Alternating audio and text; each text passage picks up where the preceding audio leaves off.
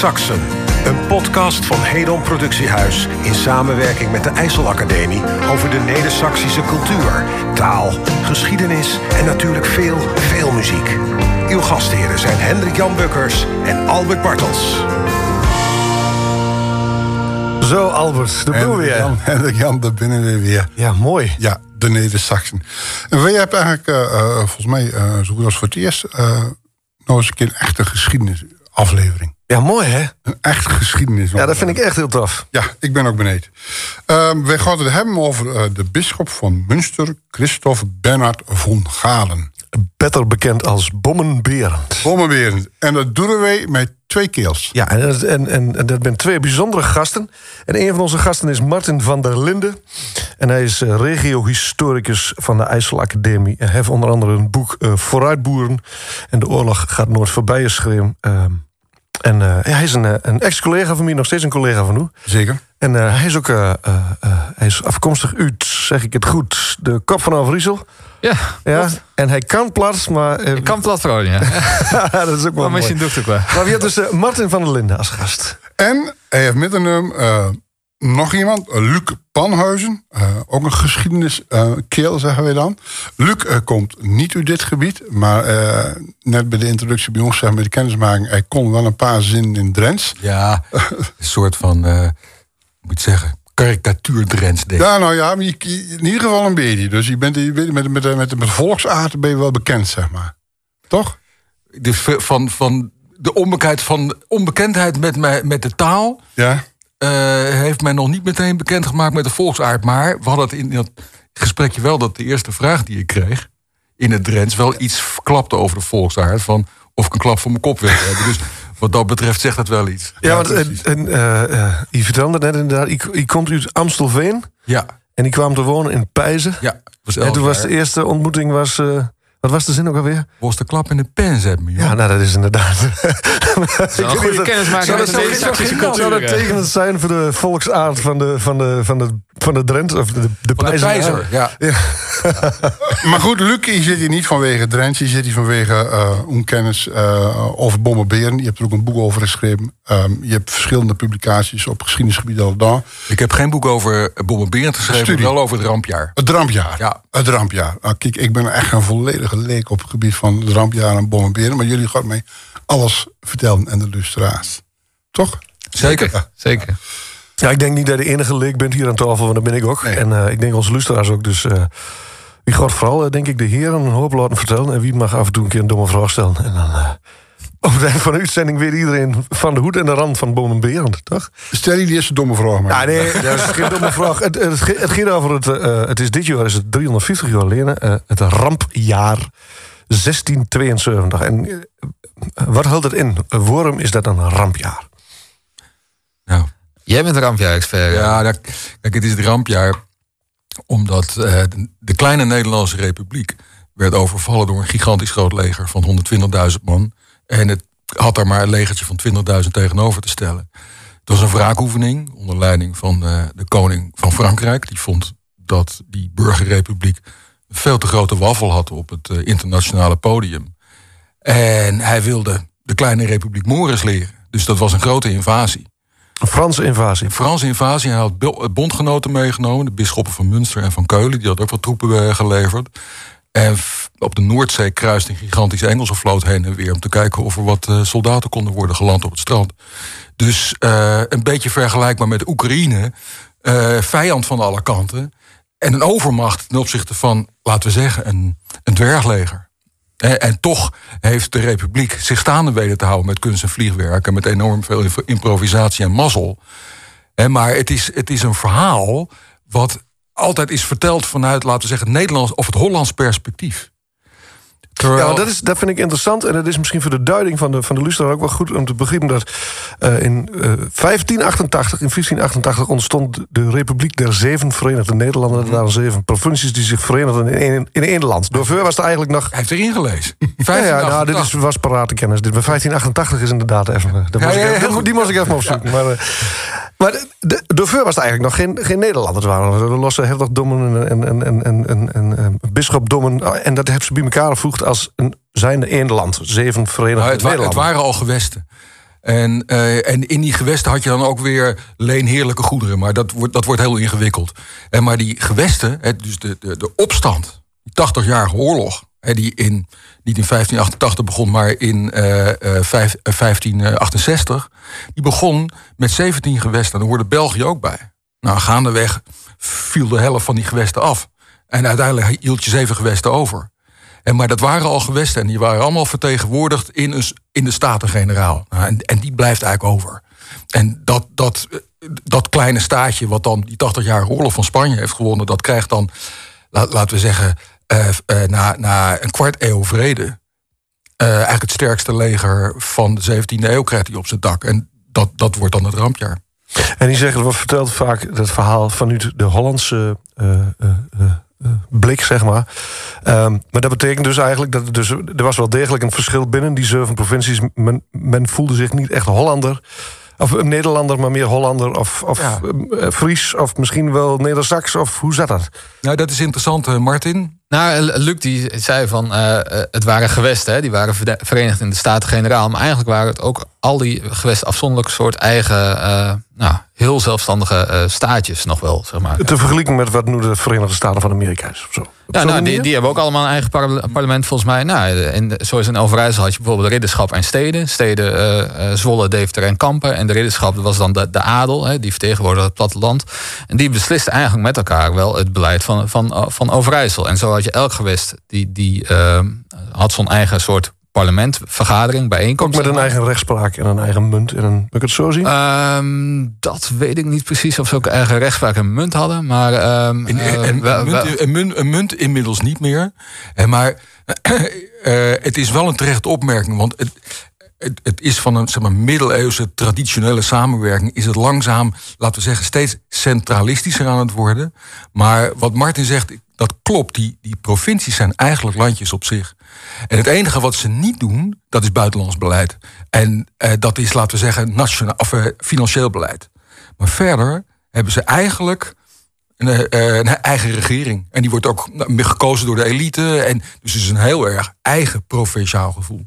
Dus je moet eigenlijk, um, kun je de Republiek, de zeven Verenigde Nederlanden, die kun je ook eigenlijk niet zien als een nationale staat zoals we die vandaag de dag uh, kennen, zeg maar. Met een nationaal gevoel van wij zijn allemaal Nederlander. Tenminste, dat hebben we tegenwoordig toch wel uh, min of meer allemaal. Um, dat was in die 17e eeuw was dat heel anders. Men voelde zich veel meer verbonden met de eigen regio of met, met de eigen naaste regio, zeg maar. De kleine lokale omgeving. Dan nog niet zozeer met, uh, met uh, uh, nou, Nederland als geheel, zeg maar. Oké, okay, en, en, en, maar toch kreeg dat Nederland als geheel kreeg dus, en ik haak even weer in op dat uh, net waren, een, een enorm leger op zijn dak. Ja, ja en het begint ermee dat de Nederlandse Republiek echt verpulverd dreigt te worden. Dus in bijna een maand tijd uh, ja, was, dat, was die gigantische oorlogsmachine over het kleine landje heen. Uh, maar gaandeweg treedt er iets op van, laten we zeggen, veerkracht. Dus je moet je voorstellen, die 120.000 man... die moet ze verspreiden over allerlei stadjes en vestingen. Er is geen land dat meer steden eh, op zo'n kleine oppervlak heeft als uh, de Nederlandse Republiek. Maar al die steden die moeten worden belegerd. En als je ze hebt veroverd, moet er een bezettingsmacht achterblijven. Dus dat leger dat wordt er eigenlijk een beetje geabsorbeerd als in een spons. Verspreidt zich. En uh, dat gaat ontzettend veel tijd in zitten. En in de tussentijd worden de, de sluizen opengezet en dijken worden doorgestoken. En er ontstaat een waterlinie. En als dan, laten we zeggen, ja, de machtigste uh, het machtigste leger, de, de, Fransen, klaar zijn voor de aanval op Holland, blijkt ineens van noord naar zuid de weg versperd door die waterlinie. En hoe, hoe loopt die waterlinie precies? Het loopt van de Zuiderzee, zo langs de, de, de, tussen uh, uh, Utrecht en Holland, dus eigenlijk over de grens van Holland, zo helemaal naar de grote rivier en nog zelfs een stuk daaronder. Ook, ook, ook, ook Gorkum, zeg maar, is, ligt in één grote watervlakte. Dus je krijgt eigenlijk gewoon een, een, een verticale linie. En, en dat zorgt ervoor dat Holland met een stuk van Zeeland eigenlijk gewoon een, een, een, een langwerpig eiland wordt. Gescheiden van het bezette gebied. En, en, nou ja, en, en dat is interessant waar uh, Martin en ik dan op stuiten. Um, de Nederlandse geschiedenis tijdens het rampjaar is eigenlijk in tweeën gesplitst. En je hebt het vrije deel En daar wordt, laten we zeggen, het, het verzet georganiseerd door prins Willem III en prins van Oranje. Maar je hebt ook een, een bezet gebied, dat is veel groter. En daarover is de geschiedenis nog niet helemaal uitgeschreven. Dat is altijd veel slechter onderzocht. En Martin en ik maken die podcast. We gaan dan bij allerlei uh, lokale historici op bezoek. Om gewoon die lokale verhalen op te halen. En dan merk je ook precies waar we het zo net over hadden. Dat helemaal in het oosten van Overijssel werd de katholieke bisschop uh, Bommenberend echt met applaus binnengehaald soms. Want die Bommenberend was dus een van de bondgenoten van het Franse ja, leger. Bisschop van Münster. En die van de, die de bier haalt van nou, wie komt vanaf het zuiden, dan kom je van het oosten. En dan hebben zo samen zo'n enorme... Een mooie schaarbeweging zo, hè? Ja. Ja. En dan, en Ja, dan zaten een beetje in de tang. eh, zeg Ja. maar. Ja, Ja. en dan lopen we ze zo helemaal onder de voet. En Ja, maar- dat stopte maar- bij die waterlinie. Ja, nou, daar, daar moeten we wel een, eh, een kanttekening bij maken. Want een- de, de, de, de domeinen waren wel verdeeld. Dus Overijssel, dat was voor bommenwerend. En dan mocht ook Drenthe wel hebben. En als het kon, Groningen ook wel. Maar Utrecht en Gelderland, en, nou ja, dat was voor eh, de, koning van Frankrijk. En eigenlijk Holland ook. Alleen de, de, de koning van Frankrijk, die viste achter het net vanwege die, die waterlinie. Maar Bommenberend die zwermde met zijn on- onderbepaalde onderbetaalde legers uit over Overijssel. Overijssel lag ook aan de andere kant van de waterlinie natuurlijk. Ja. Dus, het, Ja, dus het, was, eh, het, het werd ook niet verdedigd vanuit Holland in die zin. Zeg maar. het, het, het was een. Holland, Holland was niet verantwoordelijk voor die verdediging. Nou, ze, ze waren er wel verantwoordelijk voor, maar, maar ehm, ehm, het was een overloopgebied eigenlijk Overijssel. En dat, dat, dat, eh, ja, dat zie je in de 80-jarige oorlog, zie, zie je dat ook wel. Was Overijssel, nou, eh, hij raakte midden in de frontlinie, zeg maar. En eigenlijk, eh, eh, nou, eh, eh, 30 jaar nadat de 80-jarige oorlog ongeveer is afgelopen, 1672 dus, is, eh, is het opnieuw eh, ligt, eh, vangt Overijssel en het noorden en het oosten vangt eigenlijk weer de hardste klappen op van, van die hele oorlog. Ja. Ik heb ik, een domme vraag misschien, maar ik wil jullie over de koning van Frankrijk. En een bondgenoot is dan die, dan noemen jullie Bommenberend. Ja. Dat lijkt een soort roversnaam, maar die Bommenberend was bisschop. Ja, Ja. Dat is toch een kark? Iemand van een kark. Ja het, was, het was een katholieke bisschop, een Ja. ka- katholieke heerser, zeg maar. Hij was ook, nou, Hoe zat dat toen dan? Die hadden ook gewoon legers, die, die, die, die, die bisschop. ja zeker. Dat, ja, dat ja, is ja, ja. eigenlijk nog een beetje middeleeuws. Kijk, Overijssel had natuurlijk eerst ook de bisschop van Utrecht. Die had ook de wereldlijke macht, zeg maar. Dus, de- dus die ja. ging ook over het leger, zeg maar. Maar ook over de kerk. En zo, da, nou, in het bisdom Münster heeft die situatie iets, eh, iets langer eh, voortbestaan. En dat was een combinatie die vaak, heel vaak voorkwam. Een, een, een bisdom had ook een leger. Dus er was Ja, de nee, bisschop dat- was Geen, eigenlijk geen een- scheiding tussen kerk en staat. legeraanvoerder. Ja, absoluut. Er, was, er was geen, geen scheiding tussen kerk en staat. En, eh, en die bisschop die had ook al heel snel naar de wapens moeten grijpen. Tegen, eh, om, om die Nederlanders een beetje van zijn huid te houden. Want hij was bisschop van Münster. Maar toen hij zijn intrede wil doen. Hij was net een jonge blaag met nog pukkels op zijn wangen. Wilde hij zijn intrede doen in Münster.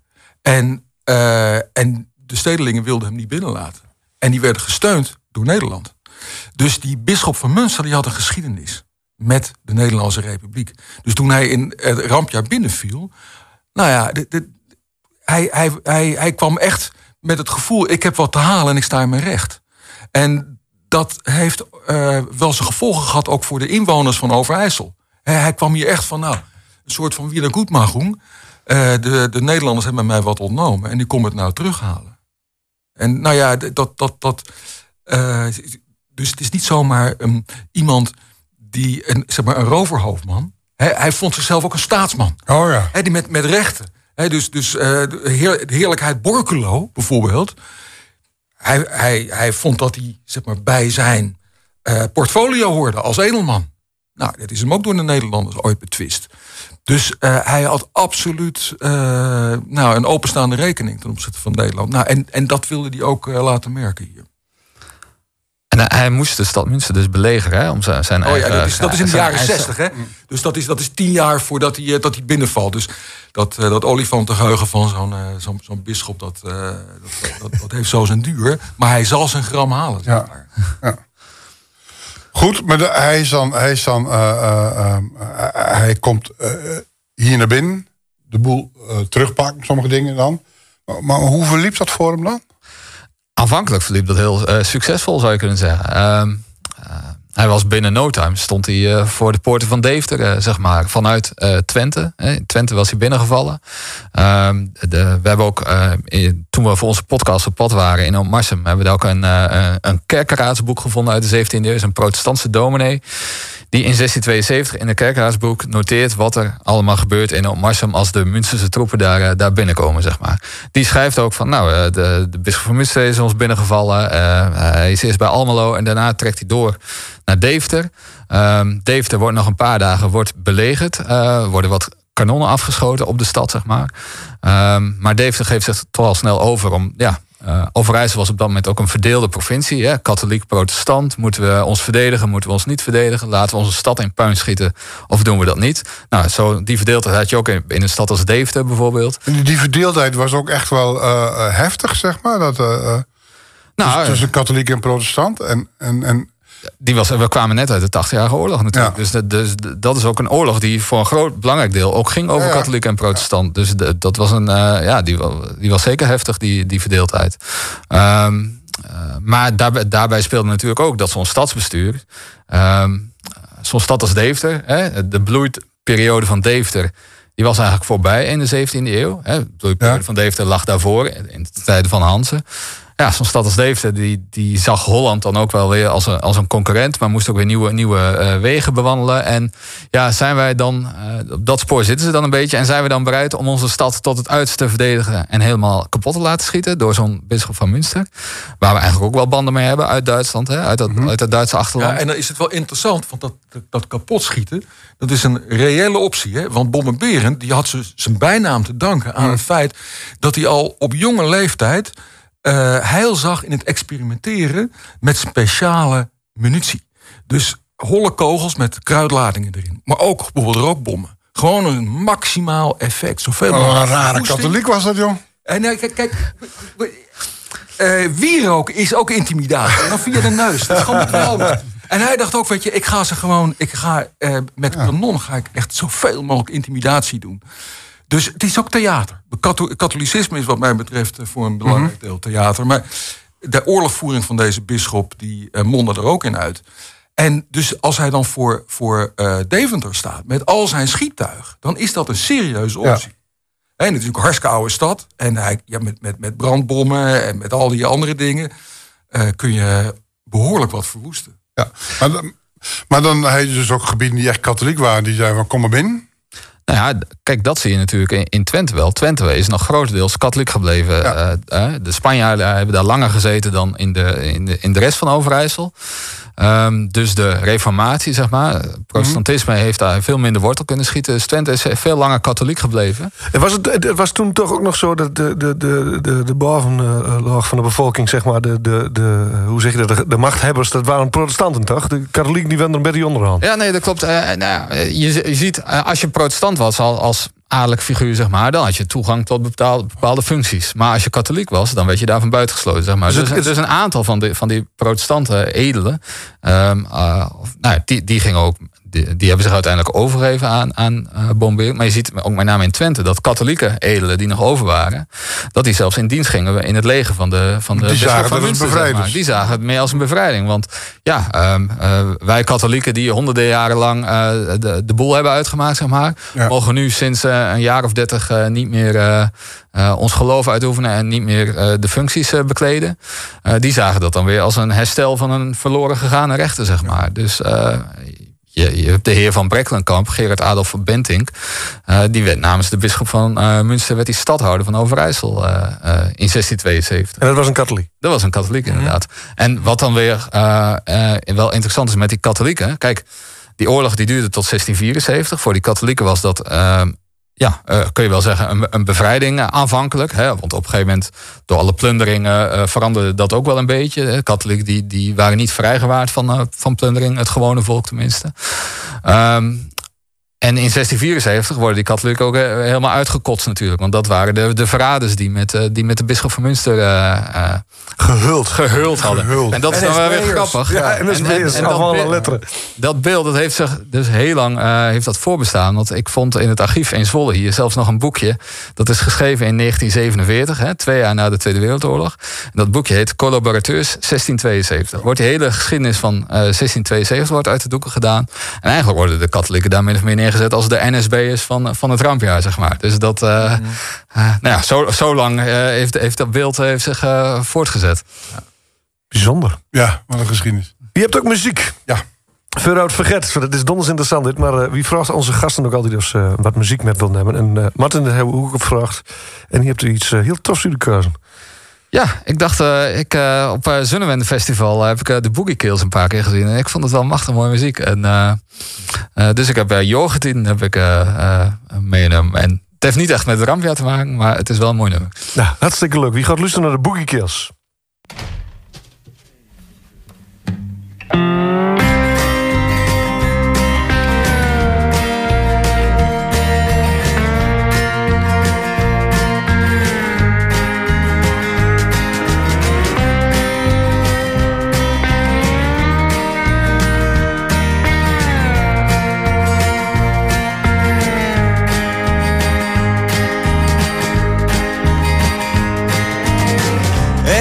Zo mooi als de zon weer schijnt.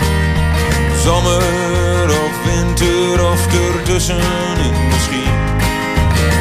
Als de bomen groen rood, bruin of geel. Alles heeft zijn eigen team, ja zo is het eigenlijk wel. Ik kan genieten van de regen en de wind.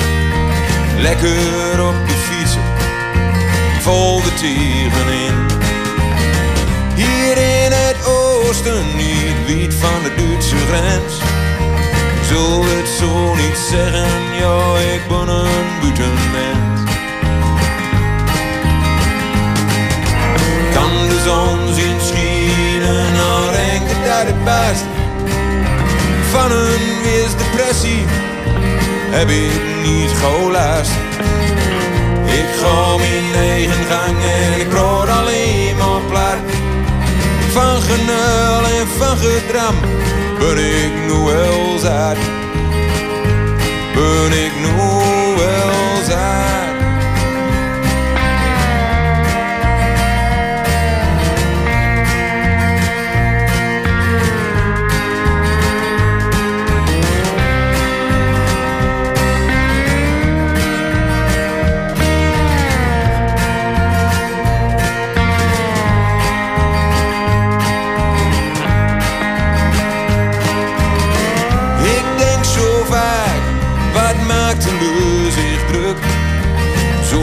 Wel verdienen, maar maakt zij ook gewoon geluk. Je hebt van die mensen die er niks van snapt. Als niet giet zoals ze wil, is net of er iets knap. Dan ga ik maar lopen een stukje in het bos. Die de kop zo lekker lucht, ja dan ook het weer. Maar het zal gebeuren keertje mis. Als ze maar blijft zeuren, dan ik goed loop is. Ik kan de zon zien schijnen, dan denk ik dat het best. Van een weersdepressie heb ik niet gelast. Ik ga mijn eigen gang en ik praat alleen maar plat. Van genul en van getram ben ik nu wel.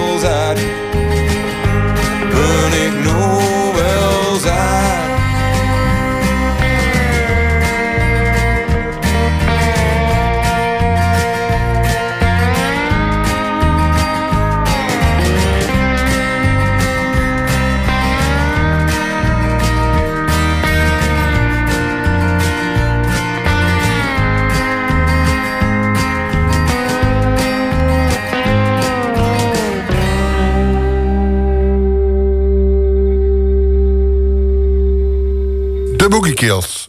Mooi, hè? Ja, volgens mij had hij dat liedje mix. Klopt het? Ja, dat klopt. Ja, mooi man. Ja, nee, de Boogie Kills uit Riesen. Die man, de zanger is uh, Handy Joe. Even een doe-het-zelf zaak in Riesen. En die noemt zichzelf Handy Joe. Robert, een hele ook op die naam ja, Robert. Brinks. Ja. Ja. Handy Joe en de Boogie Kills. Toffe band. Ehm, wie bent nog steeds in 1672 de rampjoer? En wie bent aanbeland met Bommenberend in Deventer? Hij steekt voor de poorten van Deventer. En Deventer die vraagt zichzelf af... wat we doen? Kiezen we de kant van de bisschop... of we onszelf helemaal kapot bombarderen? Ja, en, en Deventer heeft zichzelf dus een beetje kapot laten bombarderen. Zeg maar. maar klein beetje. een klein beetje, maar toen na drie dagen hebben ze zich toch overgegeven uiteindelijk. Want de, de burgemeester van Deventer, die, die later in Zwolle en in Kampen ook een bepaalde rol speelde, die, die eh, koos toch de kant van, van de bisschop van Münster, zeg maar. Dus Deventer gaf zich toen over. En eigenlijk ging het hele Münsters leger toen, trok toen door naar Zwolle. Eh, en eh, daarna ook naar Kampen. Maar Zwolle heeft zich eigenlijk zonder slag of stoot overgegeven. En, Echt, zonder slag of stoot. ja. Ja. Maar was Zwolle dan katholiek ook nog zo? eh? Of, Nee, nee, Zwolle was niet, niet katholiek. Maar ehm, eh, nou ja, eh, eigenlijk heeft voor, voor onze podcastserie heeft Luc dat verhaal van Zwolle, Zwolle eh, uitgezocht. Ja. Zwolle werd eigenlijk verraden, hè, Luc? Het verraad van Zwolle. Waar blijft het stripboek? Het verwaar. Nee, maar Het klinkt nu wel heel spannend. ja, nou, de wie? die, die eigenlijk, eigenlijk was eh, eh, de gang van zaken in Deventer een generale repetitie voor Zwolle. Dus die burgemeester van Zwolle, die, eh, en, en, en de bisschop van Münster, die hebben elkaar diep in de ogen gekeken. En die kon het met elkaar vinden. En die burgemeester die is toen met eh, iemand anders naar Zwolle gegaan. En ze hebben daar ergens in een voorstadje, toevallig waar ik woon, in Schelle, hebben ze eerst in een, eh, in een herberg daar, hebben ze geheime besprekingen gehad over hoe ze de vork aan de steel zouden. Ja, en die iemand anders, Luc, dat was Gerard Adolf. Precies, hè? De, de katholieke Edeman Ja. waar we net over dus hadden. dus dat, dat, dat is echt een, eh, een, een Deventers katholiek complot. En, en al heel snel gingen de geruchten dat eh, het garnizoen, zo'n zo'n eh, paar duizend soldaten die Zwolle binnen de muren had om die stad te beveiligen, dat dat een dat die inzet was van onderhandelingen van het stadsbestuur met Bomme Berend. En de deal zou dan zijn dat eh, Zwolle hele gunstige eh, voorwaarden zou krijgen voor, capitulatie, voor overgave. Als zij dat complete garnizoen zouden overhandigen aan Bomme Berend. Dan Bomme Berend of gijzelaars of overlopers. En dan had hij dus weer een groter leger. Nou, maar het lekte uit. En eh, nou ja, binnen de kortste keren. Eh, en toen was het, het, leger van de bommenberend was alleen nog maar een aantocht. Hè? Er was nog geen, geen vijand te bekennen vanaf de muren van Zwolle. Maar er ging al debat over eh, binnen de muren. eh, dat dat officieren tegen de burgemeester zeiden: Jullie hebben ons verraden, jullie willen ons uitleveren aan de vijand. Wij vertrekken. Nou, en zij zeiden: Nee, dit is allemaal onzin. Jullie, jullie zijn gewoon bang. Jullie willen gewoon, jullie zoeken naar een smoes om, om eerder te vertrekken. Nou, het naadje van de kous is nog steeds niet uitgezocht. En dit is echt een, een, een heet hangijzer. Tot op de dag van vandaag zou je kunnen, kunnen zeggen. Want er zijn verhalen voor en er zijn verhalen eh, contra. En eh, eigenlijk zou heel gedegen archiefonderzoek zou de onderste steen boven moeten krijgen. Maar eh, wat dus is gebeurd is dat het garnizoen... om uit handen van bommenberend te blijven... voortijdig de poort heeft verlaten. Dieserpoort zijn ze eruit gegaan. En via Hasselt zijn ze via Friesland eh, eigenlijk weer teruggegaan naar Holland. En eh, toen zat Zwolle dus zonder soldaten. Moest zich wel overgeven. En kon de burgemeester zeggen... ja, maar als ons garnizoen ons verlaat... Hè, hoe hadden wij ons kunnen verdedigen? En maar ondertussen allerlei geruchten over... dat er enorme bedragen, goudzakjes... in, in eh, platgeboomde vaartuigen... om de hols van de nacht weggingen en zo. Nou, een heel spannend verhaal. Maar bewijzen hebben we niet. Jammer. Ja, hè? Dat zou nou? Het is namelijk wel een heel mooi verhaal. Maar toen ging Bommenberen door naar het noorden. En dan, eh, ja, daar ben ik toch even nieuwsgierig. Want dan komt ze langs mijn geboortedorp, zeg maar. Rauveen, eh Staphorst. Ik denk dat ze daar kansloos waren. Dat was toen al protestant misschien. Dus ik denk dat Bommenberen daar wel een dikke kluif van had. De protestantse ijzervreters en stappers, die, Ja. die lieten zich niet zomaar in, eh, in Toch? de panhak weer. Nee. Nou, eh, het, het ligt helaas wel iets anders. eh, al. Ja, wat jammer. Want ei- eigenlijk nadat Zwolle was overgegeven, heeft Kampen zich ook meteen overgegeven. En daarna heeft eigenlijk de hele, hele Noordwest-Overijssel heeft zich, heeft zich overgegeven. Terwijl bij eh eh, Staphorst, eh Roveen de Lichtmis, hè, daar Ja, lag een verdedigingsschans. En daar eh, is in de oorlog daarvoor, want in 1665, zeven jaar voor 1672, zeven jaar voor het rampjaar, is Bombeert ook al in, eh, eh, in Overijssel geweest. En da- daar is eh, toen, eh, toen wel gevochten. Bij de lichtmis. Bij de lichtmis, ja, bij die schans. Ja. En, maar, Even ter verduidelijking, zo'n schans dat is echt zo'n sterrenvormig ding met Ja. hoge ademwallen. En dat is dan de plek waar het gevecht plaatsvindt. precies, precies. Ik vraag me altijd af, het is een hele gekke plek. Want je hebt meerdere van die schansen. Ik ken onder andere de schans in Lichtenvoorde, waar de Zwarte Cross altijd is. Maar ja. dat is ook zo'n schans. De Franse schans en eh, de Engelse schans. De Engelse schans is eh, die Bulten. Dat is later een motocross-terrein geworden. Ja, ja, ja. Maar dat, dat is nog steeds te zien in het landschap. Die. Ik vraag me altijd af, het is misschien een hele rare gedachte. Dan bouw je zo'n schans en dan? Nou, dan, ga je daarin zitten met je, met je leger. En, en, eh, en dat is wel grappig wat, wat wij dan. ehm, eh, kijk, als je vandaag de dag eh, door dat gebied rijdt, dan kun je. Eh, overal kun je naartoe, zeg maar. Je kunt overal naartoe rijden. Het is allemaal landwegen. eh, dat was het in de 17e eeuw, was dat niet. Ehm, je had eh, maar een paar doorgangen eigenlijk vanuit Overijssel naar het noorden. Het, is, het was allemaal een moeras, hè? Ja, ja, ja. Het, het was allemaal moeras daartussen. En precies op die plek waar je wel dan langs komt, daar werd zo'n schans eh, aangelegd. Oké, zeg maar. nee, en dat daar. eh, eh, Dat was ook dreug, zeg maar. Ja, Dat was geen moeras. En, verhoog. en verhoogd. Ja, Oh ja, dat Dus was kun je vanuit. eh, Precies. ja. ja, je hebt een betere uitgangspositie als Ja. verdediging, eh, zeg maar. Eh, dus dan heb je de Bisschopschans bij, eh, bij eh, de Lichtmis. Dan heb je de Ommerschans, die heb je ook nog. En eh, bij Gramsbergen, daar was een eh, weg naar het noorden, zeg maar. Maar ja, dan, dan gaat het leger gaat daar eh, eh, in zitten, in die verdedigde schans. En dan moet je maar zien dat je dat, eh, dat, je dat eh, kunt Bij de zeg maar. ja, Ja, ja, ja, ja. En bij, de, bij die Bisschopschans is wel grappig, want daar zijn we voor de podcast zijn we daar ook naartoe geweest. En die, je had het over die stervorm. Die kun je daar dus ook nog zien in het landschap. Maar niet als je op de grond staat. Dus wij dachten ook van...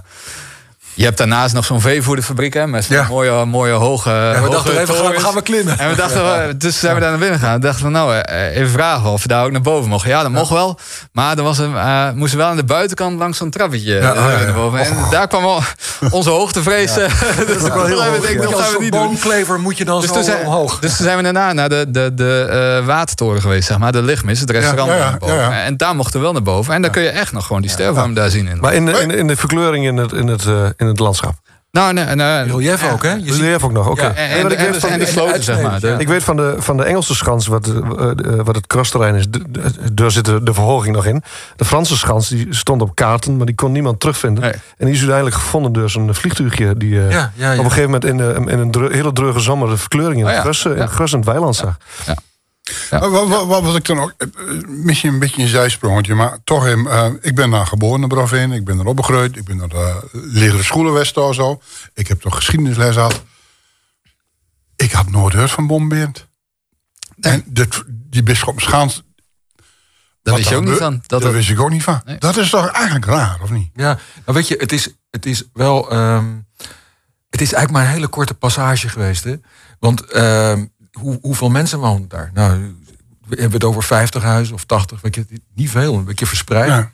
En het is een soort zandloper. Hè? Dus, dus je hebt overal moeras, maar die paar, paar doorgangen, die, die hebben daar eigenlijk de enige mogelijkheid om dan, dan naar Drenthe door te gaan. En naar het noorden door te gaan. En eh, ja, wat heeft Rauwveen daarvan gemerkt? Er is, er is weer eens wat verwoest. Maar dat is een, Nou. dat vind ik een, ik vind Ja, het een maar mooie het is- vraag. ik Hoe- bedoel- wat- wat- je zegt het nu, wat heeft Rovendo van een merk, maar hoe, hoe zit het er praktisch uit? Je hebt een leger in Zwolle, Zwolle geeft zich over, dan gaat het leger naar Kampen en dan gaat het leger richting het noorden. Maar ondertussen, onderbetaald leger, zei je net. En eh, dat kwam een beetje tussen neus en lippen deur, maar ik vond het wel een interessant. Een onderbetaald leger, je hebt de plunderingen genoemd, maar hoe zit het er voor de, voor de gewone bevolking, Jan met de pet, die dus niet binnen de muren van Zwolle woont of Kampen woont, maar die woont inderdaad in Rauveen of ergens in een ander op een ander plekje, ergens op een hoger stukje in het moeras met een boerderie. Of een, ik- Nou, dat is dus Ah. plunderen. Hè? Dat is die, die, eh, de bisschop van Münster, die had dus geen krijgskas. En eh, hij had wel een leger. En hij, hij moedigde zijn mensen aan om, nou ja, als je wa- wat, wat je te- tekort komt eh, in, je, in je beurs, dat moet je mezelf gaan halen. En dat betekende dus ook dat eh, de bisschop van Münster de hele tijd dus ook manschappen kwijt was. Omdat ze honger hadden en eh, nou ja, zelf wa- aan plunderen waren. Maar ook dus dat de, vooral de plattelandsbevolking zwaar, eh, zwaar de bok was. Hè, want, want ja, jij wil wat zeggen. Nou ja, er brandt mij een voorbeeld Ja. op mijn tong, zeg maar. Wa- Wat je in, nou in Roveen daar bijvoorbeeld van, van merkt. Ehm, eh, een, van de mensen die wij hebben gesproken voor de podcast is Klaas Stippen, eh, historicus afkomstig uit Staphorst. Hij heeft een mooi boek geschreven over Staphorst en Roveen.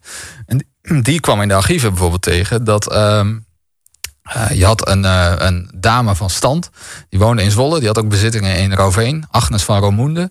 En die, zij had haar knecht, had zij in 1672 opdracht gegeven... om haar bezittingen in Roveen te beschermen, zeg maar. Ehm, nou, zij zat in Zwolle. Die knecht, ja, die, die in Roveen, de Münsterse troepen komen eraan. Nou, hij kan in zijn eentje kan hij daar ook niks tegen beginnen. Dus dat lukt natuurlijk niet, omdat dat, dat, dat wordt geplunderd. Ehm, eh, vervolgens zie je na de eh, oorlog dat zij eh, via een rechtszaak probeert haar eh, bezittingen terug te krijgen en haar geld terug te krijgen wat ze heeft verloren.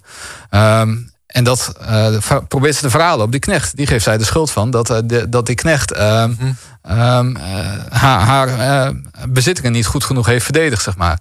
Nou, daar, daarin zie je terug dat zo'n eh, gewone man, zo'n knecht en Roveen, eh, dat hij daarmee te maken krijgt. Die, ten eerste al de bevolking, die raakt al een, eh, eh, een eh, eh, inkomsten kwijt, een voedsel, eh, een land wordt geplunderd, zeg maar. En vervolgens word je na de oorlog ook nog eens aangepakt door eh, eh, ja, de, de elite, zeg maar, die probeert hun verlies op jou te verhalen, zeg maar. Ehm, je hebt in het archief eh, in eh, Zwolle heb je heel veel eh, eh, stukken, aanvragen voor schadevergoeding heb je eh, zitten. Ehm, die werden gedaan na 1674 bij de Staten van Overijssel. Die werden allemaal verzameld en dat probeerde men uiteindelijk ook weer te verhalen op de bisschop van Münster. Of dat is gelukt, dat, eh, dat weten we niet. Maar eh, daarin kun je wel aflezen dat de gewone bevolking... die had eigenlijk het allermeeste te lijden natuurlijk van, van zo'n oorlog. Zoals het eigenlijk altijd is, zoals je nu ook in Oekraïne ziet. Ja, maar wat ik eigenlijk ook een beetje met mijn vraag bedoelde van... eh, dat ik het ook een beetje raar vind... dat ik het zo laat in mijn leven of bomberen. Hè, terwijl er in, eh, bij de lichtmis... ja, die schans er gewoon nog is. Het, was... Het is een beetje je jammer als- dat er gewoon... eh, Misschien, misschien is dat wel, om nog eventjes terug te grijpen... op waar we het er straks over hadden toen dat mooie muziekje draaide. Ehm, wat wij, het verhaal van het rampjaar is altijd het verhaal vanuit Holland. nou, En, en waarom zijn plaatsen zoals Lichtmis, maar ook Zwolle... ook het verhaal van Deventer... Het wordt niet verteld omdat het niet het Hollandse perspectief is. Holland is natuurlijk, nou ja, daar wordt het geld verdiend en daar wordt geschiedenis geschreven. Dat is de winnaar ook eigenlijk van het rampjaar. Eh, ik bedoel, eh, nou, als het rampjaar voorbij is, is Overijssel is echt een geknechte provincie. Nee. Die, die, is echt, eh, die, die moet op zijn knieën smeken om weer terug te mogen in het verband van de Republiek. En dus Holland heeft de geschiedenis geschreven. En laten we eerlijk zijn, de geschiedenis van het rampjaar vanuit het perspectief van de bezette gebieden is lang niet zo heroïs dan dat, dat, eh, dat, dat vrije Holland, waar uiteindelijk het, eh, de belasting werd geïnd en het leger werd betaald, wat heeft gezorgd voor de bevrijding. Maar eh, kijk, wij, wij proberen met onze podcast, laten we zeggen, die historische omissie een beetje recht te zetten. Het wordt tijd dat er ook het verhaal van Overijssel wordt verteld. Want Overijssel is van zo'n beetje alle gewesten het langst bezet geweest. Heeft van alle gewesten zo'n beetje het meest eh, geleden onder het rampjaar. Dus als er één gewest is dat, laten we zeggen, het rampjaar zich zou mogen toe-eigenen hè, om te vertellen, dan is het wel Overijssel. Eh, daar gaan we het straks verder over hebben. Eh, wie hebt natuurlijk ook weer onze rubriek. Eh, hij is er weer vandaag. Eh, Harry Schotmeijer.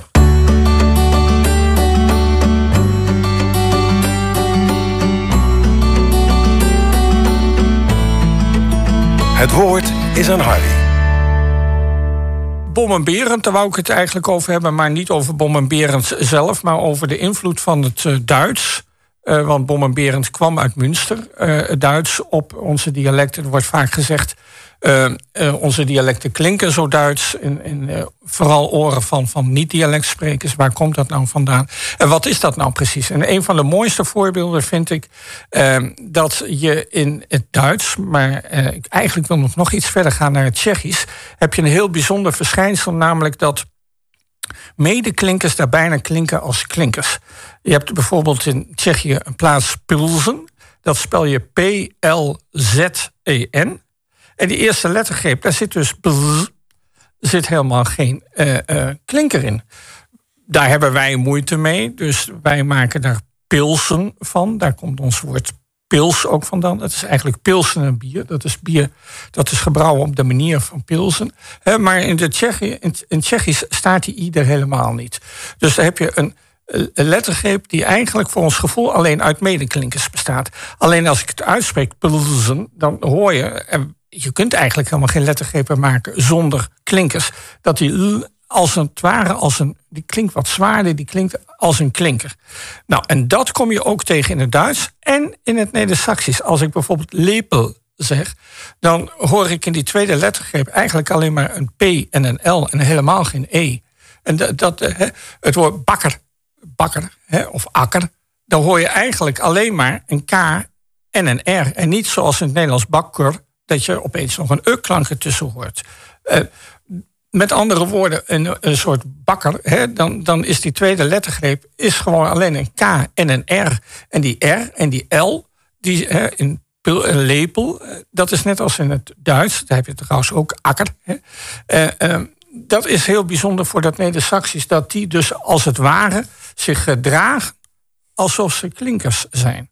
Maar dat is dus ook in woorden, uh, woorden als in woorden. Ja, ja of uh, kurken. Ja, ja, ja, ja, Dat, dat inslikken, dat, uh, dat, dat zit dus niet alleen in de EN. De E wordt niet, niet, niet, alleen ingeslikt in klanken als klanken en woorden. Ja, ja. Maar ook ehm, dus bakker en akker. Ja, ja, ja, ja. ja je noemt het nu inslikken, hè, maar eigenlijk zijn ze er nooit geweest. Er wordt helemaal niks ingeslikt. Er wordt niks ingeslikt, nee. nee. dat is dus eigenlijk. Het is, dus geen, het, is geen kwestie van, het is dus geen kwestie van. Dat is wel een goede. Het is dus geen kwestie van inslikken. Nee. Maar het is dus dat in het Neder-Saxisch is die, is dat. Is, is die er niet geweest? Nee, nee dus. Nee. Oké, okay, wat grappig. Ja. ja. want in ons hoofd zit nog wel eens een beetje dat je gewoon. Uh, tenminste, vroeger wel een beetje dat je gewoon slecht Nederlands sprak eigenlijk, zeg maar. Dat je gewoon iets inslikken. Ah, ik spreek geen dialect, ik slik wat in, zeg maar. Ja, ja, ja. Maar, maar dat is dus gewoon specifiek. Precies, nee, ja, ja. Het, is heel, heel, apart, hè, want er zijn natuurlijk ook gewoon dingen die je eraan toevoegt in het dialect. Hè. Als ik zeg uh, fietsen of vrouwen, dan, dan slik ik niks en dan, dan voeg ik er dingen aan toe. Dus je, dat, dat, dat hele inslikken, ja, hoe kun je nou ook een klank inslikken, denk ik dan ook. Maar dat, dat, dat het is geen eten of zo. Dat, dat... nee, dat is inderdaad bepaalde woorden, zoals uh, het Nederlandse kleren dat zal dan worden kleren of zo, maar dat is het niet. Het is kleren. Ja, ja. En uh, hetzelfde geldt voor uh, uh, bienen. Eén been, twee bienen. De benen, dat, ja. is, zo, dat is in, inslikken tussen haakjes ook geen sprake van. Nee, nee, nee. nee, nee ja, de toevoeging niet. van extra klank. Ja, extra klank aan toevoegen, ja. Pil, pil, doe ik het goed? Ja, ja, ja. Pilsen, pilsen, pilsen, dat klinkt als een werkwoord. Gewoon ja. lekker pilsen samen. Ja, ja, dus, Harry, bedankt. Tot de volgende. Ja, de volgende keer. Weer wat geleerd. Mooi, hè? Ja, zeker. Ja, tof. Uh, wie waren uh, bij de lichtmis ongeveer? En uh, dan, dan, dan kom je in, in Noordwest over Riesel en daar lag een plaatsje. Blokzeil. Klopt. Vertel. Ja, dat is een interessant verhaal. Want het is niet alleen maar kommer en kwel natuurlijk in, in Overijssel. Er is één plaatje, hè, een soort Asterix en Obelix verhaal, zeg maar. Er was één plaats. Dapper wie stond dood. Blokzeil is aanvankelijk uh, ook bezet geweest. Maar uh, die hebben zich twee maanden daarna, als eerste plaats van Overijssel, hebben ze uh, nou, met hulp van het leger uit Friesland, hebben ze de Münsterse weer, weer verdreven, zeg maar. Ehm, er is nog een beetje onduidelijkheid, was er van. Um, is Groningen nou de eerste geweest die bombeerd heeft geslagen? Of is dat Blokzeil geweest? Dat hebben we uitgebreid onderzocht. En we kwamen wel helaas tot de conclusie dat Groningen eerder was. Um, maar uh, ja, Blokzeil, dat kun je toch wel zien als een, als een heldhaftig verhaal. Uh, die, uh, die waren bezet door de, door de Münsterse troepen.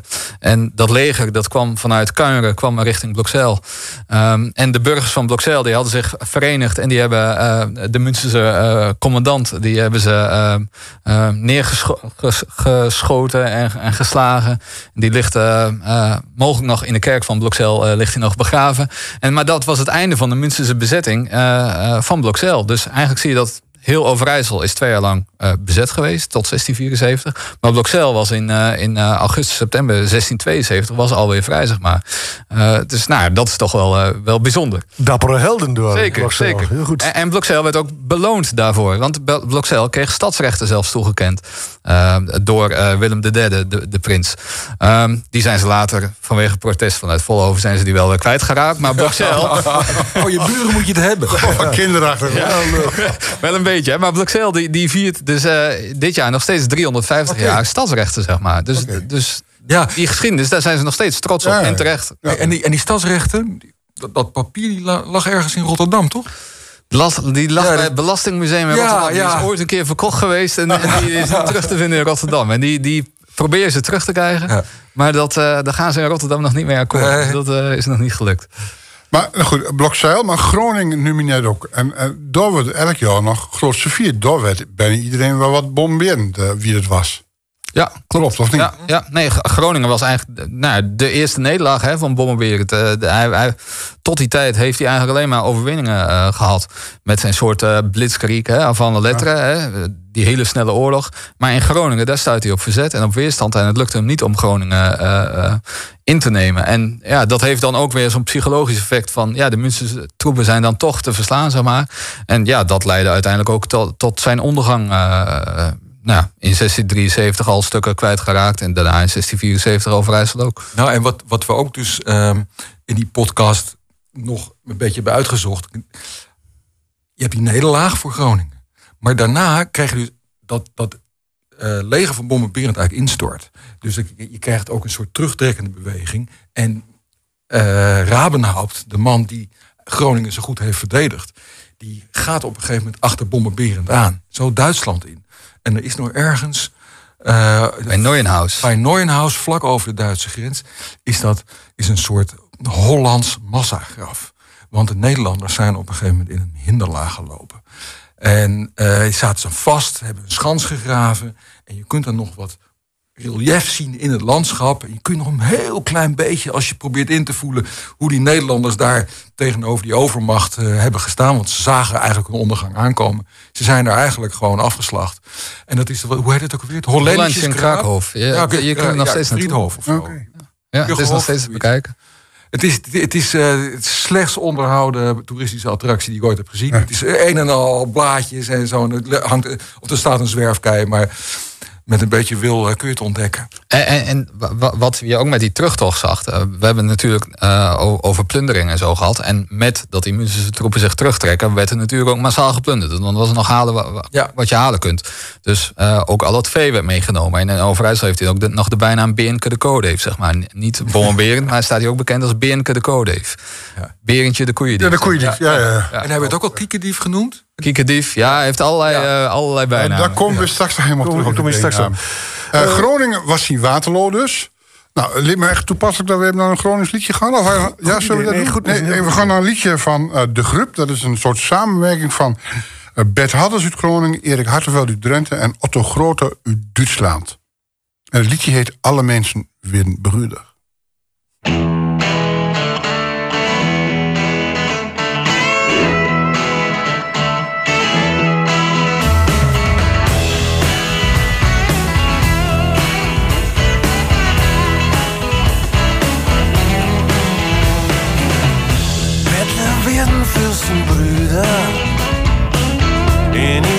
Dunklen Uniform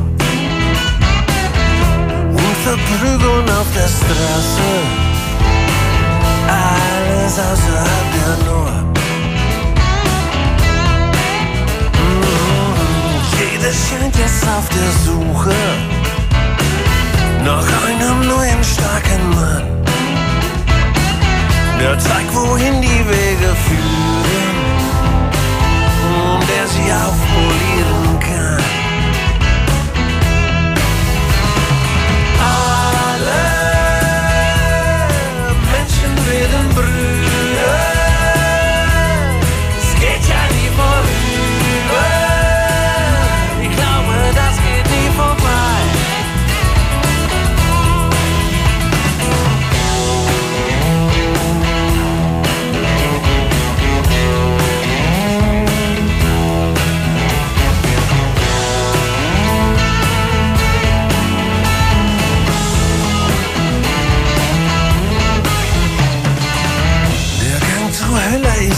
gepflastert. Von dem was eigentlich gut gedacht. Und jetzt macht einer hier das Licht aus. Auf dem Wege in die Nacht.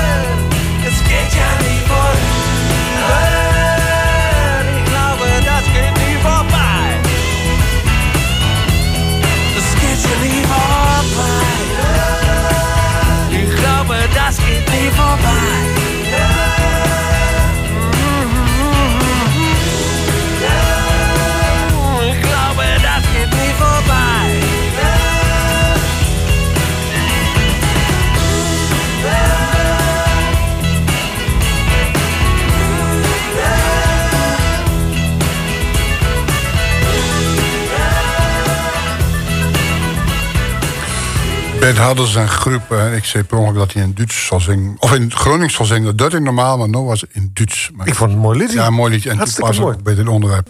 De nasleep, of de, het, eind van, van Bom en Berend. Hij, hij werd in, in, in Groningen vond te zien, eh, zien Waterloo inderdaad. Dat is mooi gezegd zo. En toen, Ja, terugtrekkende troepen. En wat was, hoe, hoe, dat, dat was het begin van het eind van Bom en Berend Groningen? Of hoe moet ik het zien? Ja, nee, dat was wel het begin van het eind inderdaad. En toen eh, raakte hij Koevoorde raakte hij ook nog kwijt. Heeft hij nog weer geprobeerd opnieuw te veroveren.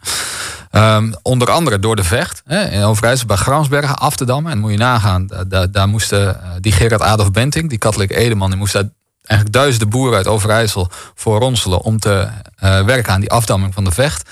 En eh, eigenlijk werd maandenlang dat water van die vecht werd tegengehouden om Koevoorde te proberen te isoleren, zeg maar. Dus moet je nagaan, als je daar rondloopt, eh, wat voor watervlakte dat geweest moet zijn. Eh, maar het was natuurlijk een megalomaan project, wat ook niet gelukt is. Want op een gegeven moment, eh, met een aantal stormen, braken die dijken door. Waardoor uiteindelijk ook meer Münstersoldaten erbij om zijn gekomen. Echt een soort zonvloed, echt een heel, heel katholiek thema natuurlijk. Maar dat, dat Münsterse leger, dat werd gewoon weggespoeld door het water wat ze zelf in stelling hadden gebracht tegen Koevoorde.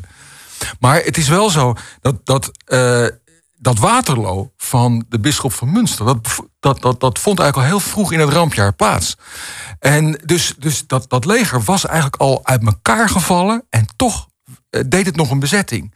Dus dat, het was heel erg loszand. Er werd ontzettend veel geplunderd. Weet je, er is eigenlijk niks zo erg voor een onderworpen bevolking als een leger dat, eh, waar geen autoriteit meer is.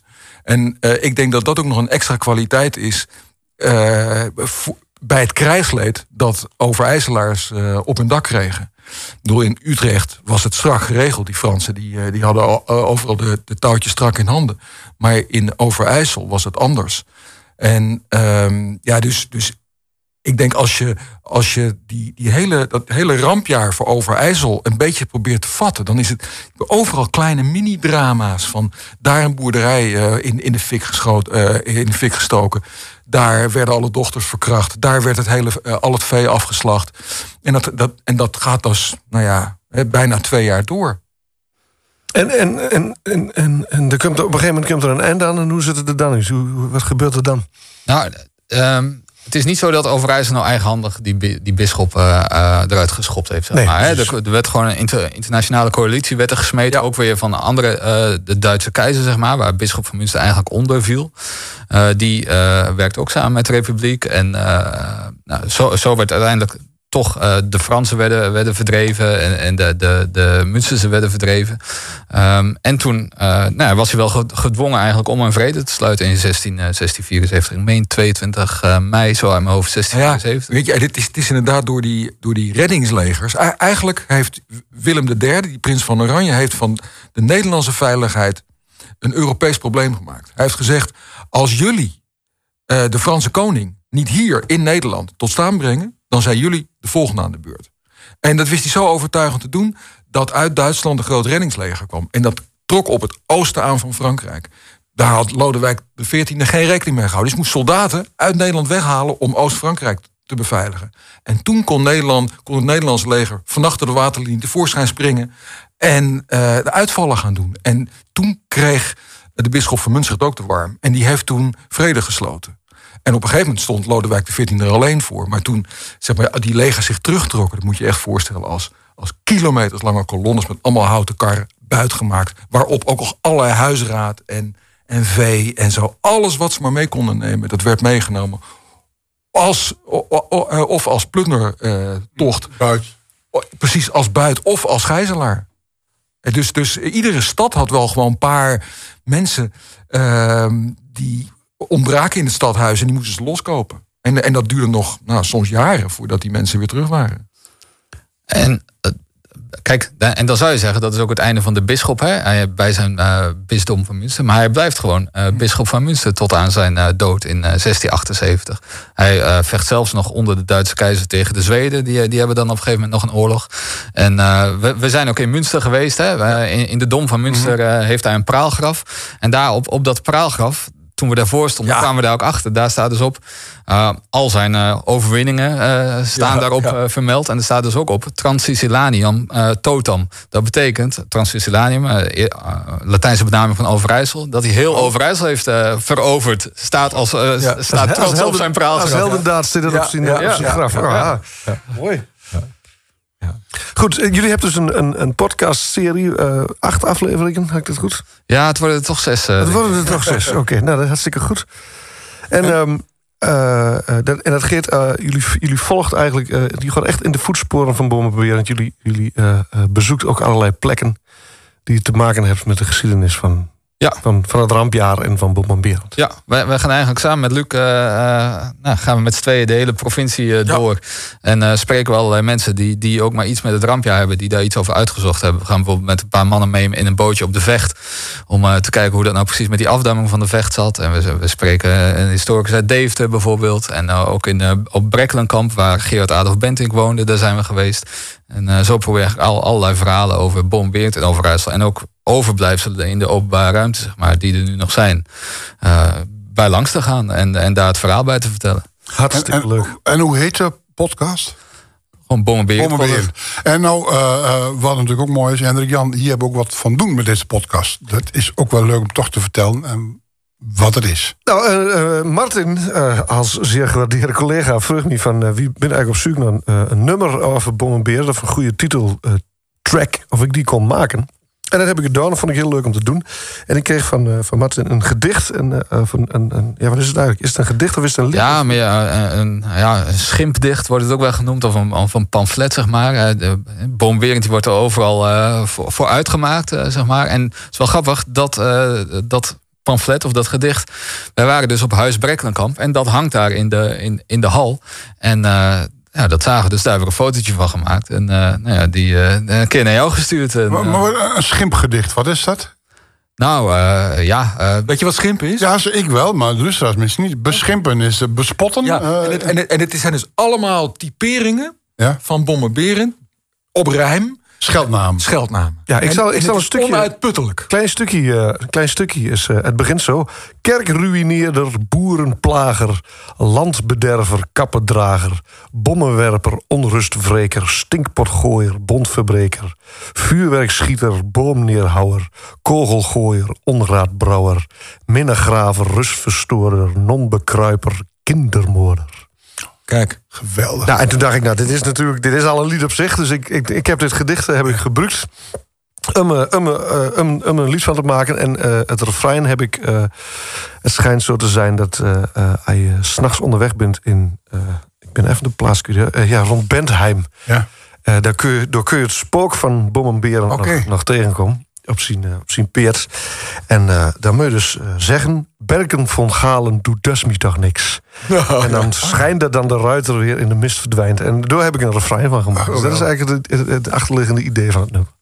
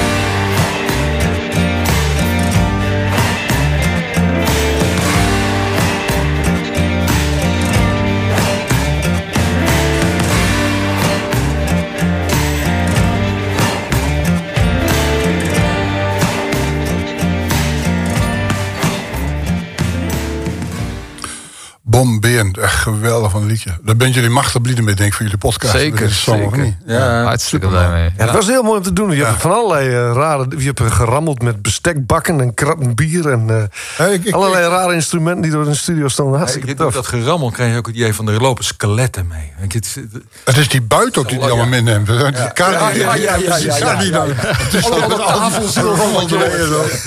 ik, was, ik, mocht, ik mocht gasten bij die, bij die opnamesessie van Hendrik. En mocht ik gewoon eh, met een kop koffie erbij zitten. Dus ik zie hem nog zo staan met een krat bier.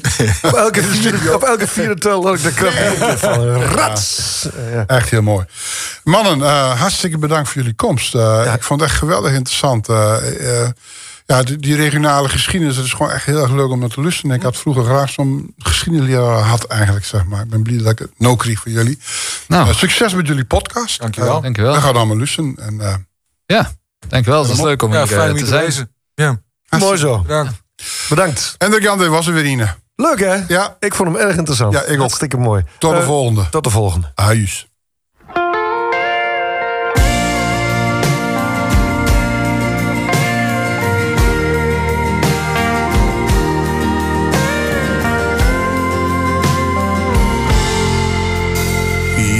Onderweg van het dorp naar huis met een boodschap, een tas en een kind. Het land is een boer gangs met een trekker, hij goed, want hij weet hoe je er een van bent. Iedereen kent ik kent iedereen en er vindt dus geen mensen bezwoer. Want als donders gezellig bij een pasbult of bij het karbier aan het eind van het. Wie bent allemaal